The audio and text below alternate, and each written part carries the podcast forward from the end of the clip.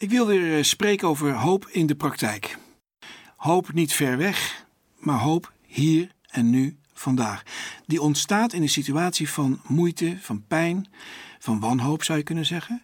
En hoop is dus eigenlijk datgene wat wij als mensen niet zien, maar waarin God naar ons toe komt en als het ware in onze gesloten koker, in onze gesloten koepel zou je kunnen zeggen, inbreekt en een heel andere werkelijkheid aan ons duidelijk maakt. Moet je je eens voorstellen dat je in een, in een compleet gesloten donkere kamer zit, zeg maar in een kelder. En je zit daar heel lang en je zit er misschien al je bent de tijd kwijt. Je weet niet eens meer hoe lang je er bent. Stel je nou eens voor dat je gaat geloven dat dit jouw leven is in een donkere kamer. En dat je op een dag, je weet niet eens of het dag of nacht is trouwens, dat je een heel klein puntje ziet van licht. Dat een heel klein scheurtje ergens zit in die donkere kelder waar licht doorheen komt. Je wist niet eens meer wat het was. Je wist niet eens meer dat het licht was. Maar het trekt jou naar dat ene minuscule, misschien maar een vierkante millimeter gaatje ergens in dat plafond. En je trekt met je ogen er naartoe. En het verlicht eigenlijk bijna die hele kelder op een manier. Uit die ene vierkante millimeter komt licht. Dit verandert jouw complete beeld van jouw situatie. En dat zeg ik wel eens van mijn eigen leven. Eigenlijk is het zo dat ik 100% van mijn leven gericht ben geweest en gewerkt heb voor en gewandeld heb in één vierkante millimeter licht wat scheen en schijnt in mijn leven. Ik weet nauwelijks wat het allemaal betekent, wat erachter zit. Ik ken de tuin niet en de, de heerlijkheid die achter dat puntje licht zit, ken ik nog helemaal niet. Maar er stroomt iets in mijn leven vanuit één vierkante millimeter, een 0,0001 procent, waar ik mijn hele leven voor wil geven. Nou, dat is eigenlijk wat de mensheid van God krijgt, wat ik, wat jij van God krijgt in het bestaan wat wij nu leiden. Er is werkelijk een gat in de lucht. Er is een deur in de hemel. Er is werkelijk een andere werkelijkheid buiten ons. En die wil tot jou spreken in deze studie ook. Nou, dat zet Abraham aan tot moed. Die hoop geeft moed. En zo'n moed dat hij eigenlijk tegenover God gaat staan. Niet uit ongeloof, niet brutaal, maar vanuit dat puntje licht. Als er dan licht is, laat het licht dan ook schijnen. Maak het gaatje groter, zou ik kunnen zeggen. En het gaat dan met name over die verschrikkelijke kelder, die, die donkere kelder van Sodom en Gomorra. Onrecht, leugen, bedrog. Een wereld die zichzelf snoert, zou je kunnen zeggen. Er komen dus drie bezoekers bij Abraham en die drie bezoekers die vertellen hem weer dat hij, dat hij mooie beloftes krijgt hè, over de toekomst. Maar ze vertellen ook uh, dat ze op weg zijn naar Sodom en Gomorra en dan gaan ze naartoe. En dan lees ik uit Genesis 18 vers 22. Toen gingen de mannen, die drie mannen, naar Sodom. Maar Abraham bleef voor de Heer staan. En hij kwam dichterbij en zei: Maar stel dat er ook goede mensen in die stad zijn. Zult u hen dan samen met de slechte mensen doden? Bent u rechtvaardig? Dat is toch niet eerlijk? Als er recht moet zijn en u bent de rechtvaardige God, nu vul ik het zelf in, hey, ik lees nu niet meer, dan, dan kan dat dus niet. Vers 24. Dan zegt Abraham: Misschien zijn er vijftig goede mensen in die stad, rechtvaardigen. Zult u hen dan ook doden? Wilt u de stad dan niet heel laten, dus niet verwoesten, om die vijftig onschuldige mensen te redden? Het past helemaal niet bij u om onschuldige mensen samen met schuldige mensen te doden. Want dan loopt het met allebei hetzelfde af. Dat past helemaal niet bij u. U, de rechter van de hele aarde, kan toch niet onrechtvaardig zijn? Vers 26. En de Heer antwoordde: Als ik in Sodom vijftig goede mensen vind, zal ik de hele stad niet treffen, om die vijftig mensen te redden. Abraham antwoordde: ik ben zo brutaal geweest om tegen de Heer te spreken, ook al ben ik maar een mens. Misschien zijn er vijf mensen te weinig. Zult u dan, omdat er vijf te weinig zijn, de hele stad verwoesten? En hij zei: Ik zal de stad niet verwoesten als ik er 45 goede mensen vind. En Abraham zei: Misschien vindt u er maar 40.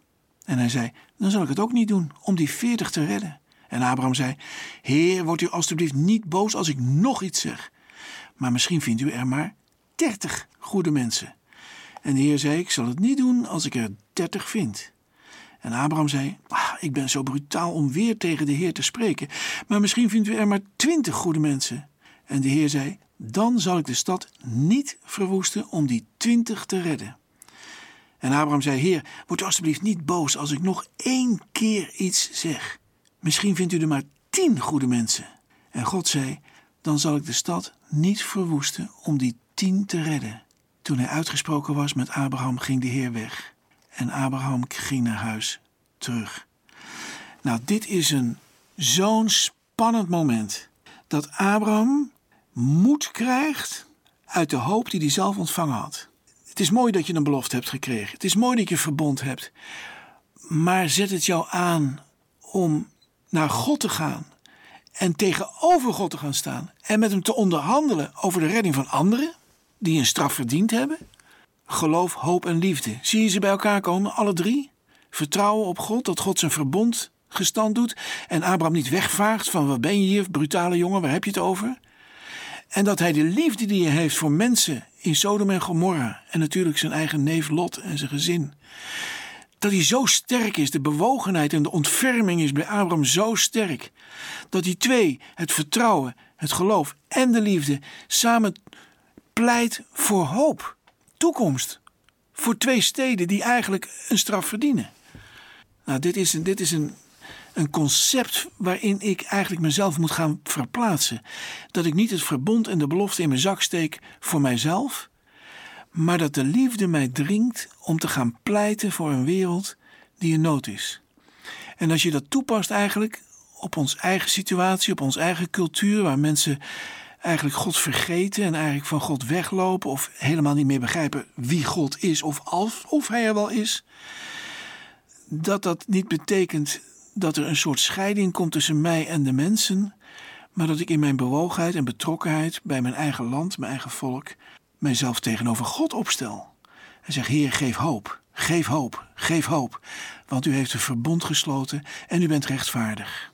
Je zou kunnen zeggen dat Abraham in de geschiedenis waarin hij pleit voor Sodom en Gomorra, hij pleit eigenlijk voor de rechtvaardigen in die steden, maar tegelijkertijd ook voor de hele steden. Eh, dat is de positie die wij hebben in Nederland of in West-Europa, waarin wij vragen aan God, ons tegenover Hem opstellen, zoals Christus zich tegenover God heeft opgesteld aan het kruis. En vraagt: vergeef het hun, want ze weten niet wat ze doen. Het is Mozes die voor God gaat staan en God belet, tegenhoudt om het volk te straffen en te vernietigen. Het is een houding van de voorbidder. Het is een houding die van jouzelf weggaat, van jouzelf afgaat. Je gaat naar buiten kijken. Je bent niet meer degene die zich in het verbond, als het ware, en in de belofte van God op een tribune gaat zitten, maar je bent degene die het strijdperk ingaat en zegt: God, ik verbind me met de mensen om me heen. Zo kunt u geen klap geven, waardoor ik ook zou kunnen omkomen, want ik ben er ook één van hen. Nou, dit is de positie van christenen in een land, of gelovige mensen in een land, wat andere wegen gaat en waar je zelf eigenlijk bij hoort en je niet van af mag sluiten. Eigenlijk kun je zeggen dat Abraham hier de hoop in praktijk brengt en moed verzamelt om zich tegen God op te stellen, tot Hem te brengen. De nood uh, van die steden, maar ook eigenlijk het hart van God daarmee raakt. De tweede keer dat Abraham getest wordt op zijn vertrouwen en dat hij de hoop in praktijk brengt, is dat verhaal waarbij Abraham gevraagd wordt om zijn zoon Isaac, de enige zoon waar je zoveel van houdt, om hem te gaan offeren op de berg Moria, een van die bergen, de berg Moria bij Jeruzalem. Hij moet een brandoffer worden en ik zal je laten zeggen op welke berg zegt God precies. Nou, dat is in Genesis 22, vers 3. Als Abraham die opdracht krijgt, dan staat er: Hij stond s morgens vroeg op, zadelde zijn ezel en ging met twee knechten en zijn zoon Isaac op weg. Hoe oud is Isaac? In de meeste kinderbijbels of tekeningen die erover zijn, is Isaac een jongetje van een jaar of 10, 12. Maar de rabbijnen zeggen hij was ongeveer 37. Het was een volwassen man. Het was iemand die voor zichzelf zou kunnen kiezen. En dan wordt het veel interessanter, de hele geschiedenis. Dan wordt het een keuze van twee volwassen mannen. En in de tijd gezien is dat ook wel logisch. Een paar jaar later zal Sarah sterven. En het is inderdaad in de tekst eigenlijk veel logischer dat deze Isaac bij de leeftijd komt van een volwassen man. Een leeftijd die Jezus ook had toen hij stierf aan het kruis. Zo gaan die twee op weg met twee knechten. Ook nam Abraham hout mee voor het brandoffer. Zo ging hij op weg naar de plaats die God had genoemd. Op de derde dag zag hij die plaats in de verte. Toen zei Abraham tegen zijn knechten: Jullie blijven hier met de ezel, de jongen en ik gaan daarheen. Als we klaar zijn met aanbidden, komen we weer bij jullie terug. En het woordje wij, komen wij weer bij jullie terug, drie keer onderstrepen. Dit is een hoopuitspraak, een geloofsuitspraak en een liefdesuitspraak. Geloof, hoop en liefde komen in dat ene woordje wij terug. Abraham was zo dat hij geloofde dat God, wat er ook zou gebeuren, het zo zou laten zijn dat ze samen terugkwamen. Nou, Abraham legde het hout voor het brandoffer op Isaaks schouders. Ook nam hij vuur en een mes mee. Zo gingen ze samen verder. In andere vertaling, zo gingen die beiden tezamen. Toen zei Isaac tegen zijn vader Abraham: Vader. En hij zei: Ja, mijn zoon. Isaac zei: Hier zijn vuur en hout, maar waar is het lam voor het offer? Abraham antwoordde: God zal zelf zorgen voor een lam voor het offer, mijn zoon. Zo gingen die beiden tezamen verder. Zo gingen ze samen verder, zegt de Basic Bijbel. Vers 9. Ze kwamen op de plaats die God had genoemd. En Abraham bouwde daar het altaar. Hij legde het hout erop, bond zijn zoon Isaac vast. En nu komt het punt. Als deze man 35 is, 36, 37, zoals de rabbijnen zeggen.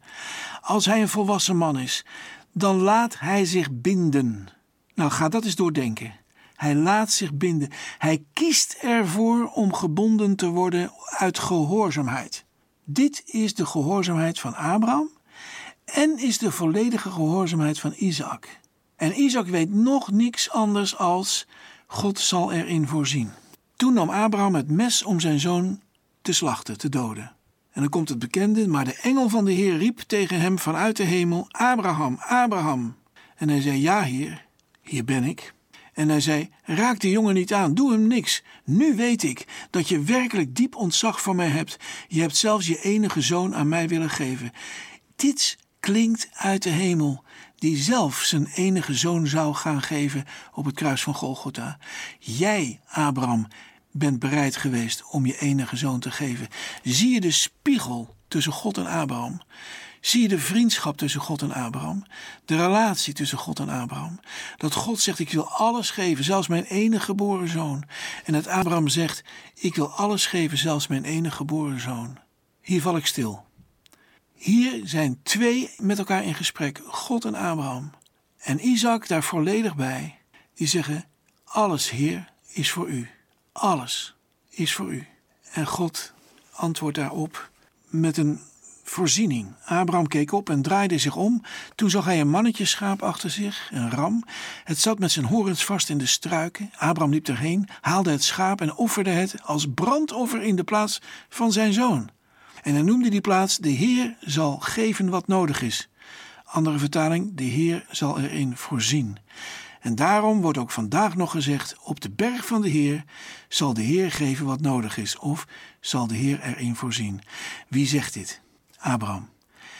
Martin Buber, de bekende Joodse leraar en filosoof, zegt hier: Hier is Abraham de profeet. Hij is de ziener. Hij ziet dat God erin zal voorzien. Want nergens staat hier dat God dat zegt. Nee, Abraham zegt het. Abraham zegt als antwoord op Gods voorziening precies wat zal gebeuren later toen de Heer Jezus zichzelf gaf voor de mensheid. God zal erin voorzien. God zal het doen. Niet wij doen het voor God, maar God doet het voor jou. Hij geeft jou hoop.